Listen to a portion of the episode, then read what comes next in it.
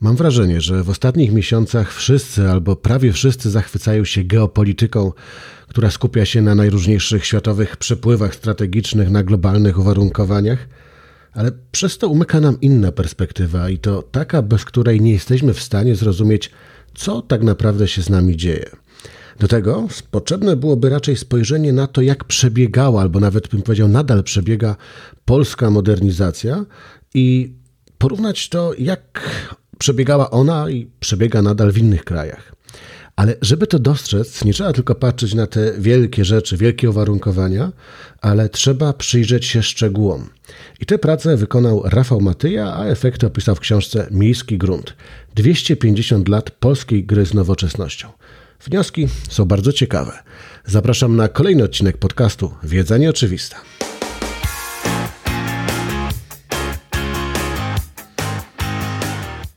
I od razu powiem, że ja tę książkę traktuję tak jak ekonomista, jako historię gospodarczą, e, więc nie będę wchodził w niuanse innych e, zawiłości historii, ale właśnie postaram się wydobyć to, co dla ekonomisty jest szczególnie istotne. I gdybyśmy się przyjrzeli tej modernizacji, o której pisze Rafał Matyja, no to jaki jest jej cel? Jakie jest nasze oczekiwanie wobec gospodarki, wobec polityków, no to żebyśmy się modernizowali, żeby żyło się lepiej, nawet takie hasło przecież było. I w związku z tym to, jak poprawiała się jakość życia, takie rzeczy, które umykają nam na lekcjach historii, o tym się nie pisze, uważa się to za coś oczywistego, a to właśnie tempo, jakość, czy w ogóle postępy w tej modernizacji, to jest coś, co zmieniało nastroje społeczne, zmieniało możliwość y, tego, co ekonomiści szumnie nazywają podejściem innowacyjnym. To w ogóle tworzyło przestrzeń do rozwoju. I żeby to zrozumieć, to musimy się przyjrzeć chociażby temu, kto i dlaczego zbudował miejscowości, w których mieszkamy, albo kto stworzył instytucje, z których korzystamy. Jak pisze Rafał Matyja, Jesteśmy jednak więźniami innej historii, zbudowanej wokół patriotycznych symboli, utkanej ze spraw niepewnych i wątpliwych, a, a zarazem z haseł budzących emocje. To sprawia, że zachowujemy się tak, jakbyśmy nie rozumieli związków między niepodległością i państwem, wolnością i prawem, bezpieczeństwem i jakością życia, a chociażby infrastrukturą społeczną, infrastrukturą techniczną itd. I doszliśmy też do tego, że ofiary historii nazywamy naszymi bohaterami, a tych, którym jesteśmy winni choćby uwagę, o ile nie wdzięczność, to często nie znamy ich nawet z nazwiska. Wielka historia modernizacji, w której uczestniczyli nasi przodkowie, pisze dalej Rafał Matyja, wydaje się czymś, co było poza czyjąkolwiek wolą. To jest coś jak pory roku, jak wielkie powodzi, które zmieniały korytarze, korytarzek. My mamy trudność, żeby wyjaśnić różnicę między nami i krajami Europy Zachodniej w inny niż sposób niż po prostu posługując się słowem zacofanie. Jeżeli rzeczywiście poprzestaniemy na tym, my byliśmy bardziej zacofani, tam był postęp, no to nie zrozumiemy tego, co się działo. Więc przejdźmy do bardziej szczegółowych rozważań i do bardziej szczegółowych wniosków. Okazuje się, że niewątpliwie kluczową sprawą była komunikacja i to rozumiana bardzo szeroko. Nie chodzi tylko o rozpowszechnianie informacji, ale też o transport. W XVIII wieku nawet wielkie nowiny, przecież takie jak śmierć monarchy czy wygrana w wielkiej bitwie, potrzebowały dni albo nawet tygodni, żeby się rozpowszechnić. A jeszcze kilkadziesiąt lat temu to też nie było takie oczywiste, że mamy natychmiastowy dostęp do informacji, bo chociażby, żeby poznać wynik ważnego meczu, to trzeba było poczekać na jutrzejsze wydanie gazety. Dziś jest to nie do pomyślenia, ale dopiero ten przepływ informacji, ale także to, co umożliwiła kolej, która była przecież wielką rewolucją, E, przepływ towarów, przepływ usług, że nagle to średnie tempo przemieszczania się to już nie było kilka kilometrów na godzinę, kilkanaście, ale w pewnym momencie już nawet kilkadziesiąt. I to sprawiło, że dystans między prowincją a metropolią, między dużymi ośrodkami miejskimi po prostu stał się jakby mniejszy.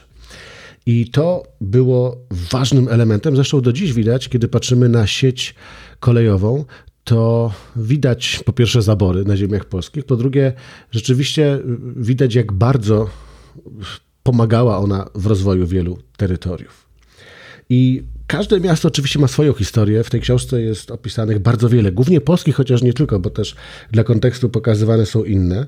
E, bardzo ciekawe było dla mnie to, kiedy przeczytałem, że dla Krakowa takim kamieniem milowym wychodzenia z epoki agrarnej ku nowoczesności to był zakaz stawiania budynków z materiału miękkiego albo zakaz trzymania trzody chlewnej e, i bydła w granicach miasta, który no, dość późno był wprowadzony, podobnie jak wprowadzony dopiero w 1834 roku zakaz wypasu bydła na plantach. I może to wyglądać abstrakcyjnie, ale wystarczy zobaczyć na pierwsze zdjęcia Nowej Huty, kiedy Nowa Huta dopiero powstawała, to obok wielkich inwestycji, które wtedy tam były prowadzone, i mieszkaniowych, i tych przemysłowych, no to między tym pasły się krowy i przecież to były tereny rolnicze i nie od razu udało się je zmienić w miejskie, w takie, jakie były zamierzone w tym wielkim centralnym planowaniu.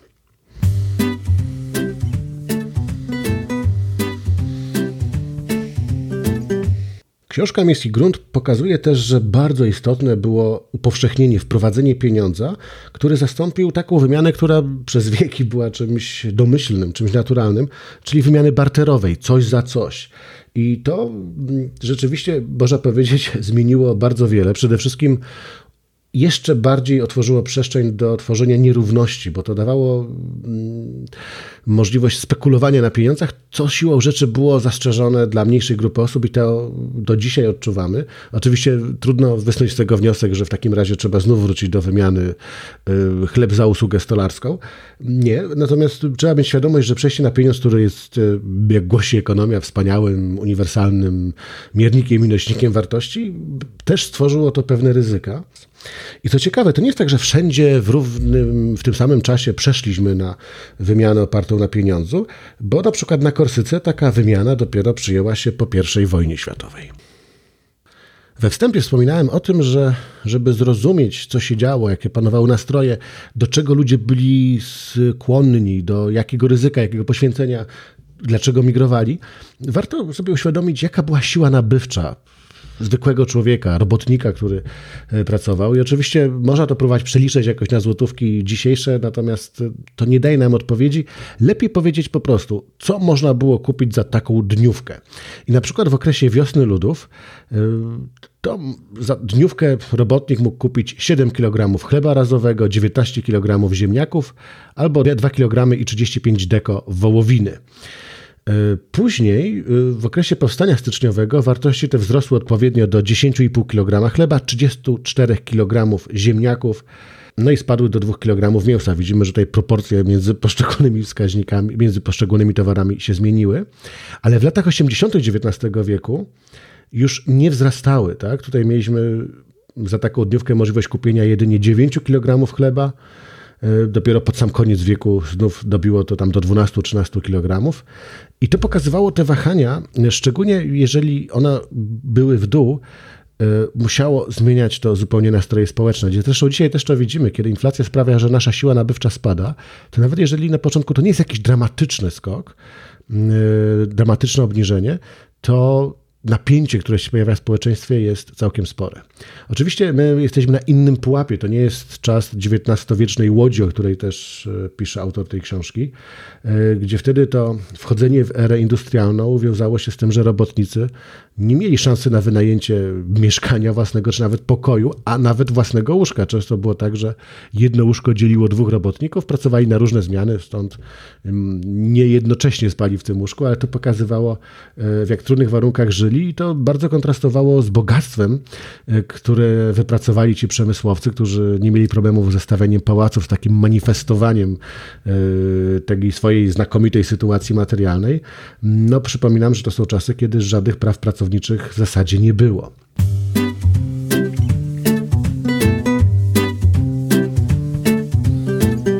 Bardzo ciekawy wątek dotyczy też tych czasów socjalistycznych i projektów, które w pewnym stopniu chyba trzeba nazwać dużym sukcesem. Wielkie centra przemysłowe, ale też trzeba pamiętać, że tak jak w socjalizm wpisany jest upadek, tak i w te projekty też musiały być wpisane kłopoty. No i rzeczywiście, nawet jeżeli to były zakłady, z których całe miejscowości były dumne, one w zasadzie ciągnęły całą miejscowość. To był główny pracodawca, zdecydowana większość osób pracowała albo wprost w tym konkretnym zakładzie w jakimś mieście, albo w podmiotach, które jakoś były z tym powiązane. I na początku wydawało się, że to jest naturalne, to jest specjalizacja, to jest bardzo efektywne, duży zakład, prawda, to taka ma być ta gospodarka. No ale kiedy koniunktura się zmieniała, kiedy te zakłady upadały, to mamy te smutne historie miast, które po prostu stawały na krawędzi. To były wręcz egzystencjalne zagrożenia niejednokrotnie. I to znowu doprowadziło do tego, że y, te miasta bardziej położone na prowincji zaczęliśmy postrzegać jako taką historię, która po prostu jest historią klęski, problemów i utraty dawnej świetności. No i okazało się, że mm, jeszcze tylko reformy, które prowadziliśmy administracyjne, to, że z wiele miast w latach 90. straciło status województwa, e, zostało zdegradowanych do jedynie miasta powiatowego, no bo województw mieliśmy już później znacznie mniej, że to wszystko jest taka ciem, narysowana w ciemnych barwach historia najnowsza tych miast, które kiedyś jeszcze nie tak dawno święciły wielkie triumfy. Ale Rafał Matyja jest przeciwny takiemu podejściu z tego względu, że pokazuje też, że wbrew takiej mentalności centralistycznej, e, jeszcze w ostatnim trzydziestoleciu w takich miastach jak Opole, Nowy Sącz, Wrocław, Białystok, Szczecin, Tychy zdarzały się fantastyczne historie, wielkie sukcesy. Na przykład Onet nie powstał w stołecznym mieście. Jest wspólnym przedsięwzięciem nowosądeckiego Optimusa i bielskiego Pascala. RMF startowało nie z Warszawy, ale z Krakowa. E, Fakro nie wytwarza swoich znanych w Europie okien na Żeraniu, tylko przy ulicy Węgierskiej w Nowym Sączu. I Tutaj też jest ważna uwaga, że takie sukcesy były możliwe w latach 90. XX wieku. Dziś natomiast byłoby to rzeczywiście już o wiele trudniejsze. Na taką skalę oczywiście zdarzają się jakieś dobre, wielkie e, inwestycje, natomiast jest coraz trudniej ze względów tych ustrojowych, o których mówiłem, że coraz bardziej nam się centralizuje państwo, ale także dlatego, że e, mamy ogromny drenaż ludzi utalentowanych, którzy z mniejszych miejscowości wyjeżdżają z bardzo różnych przyczyn.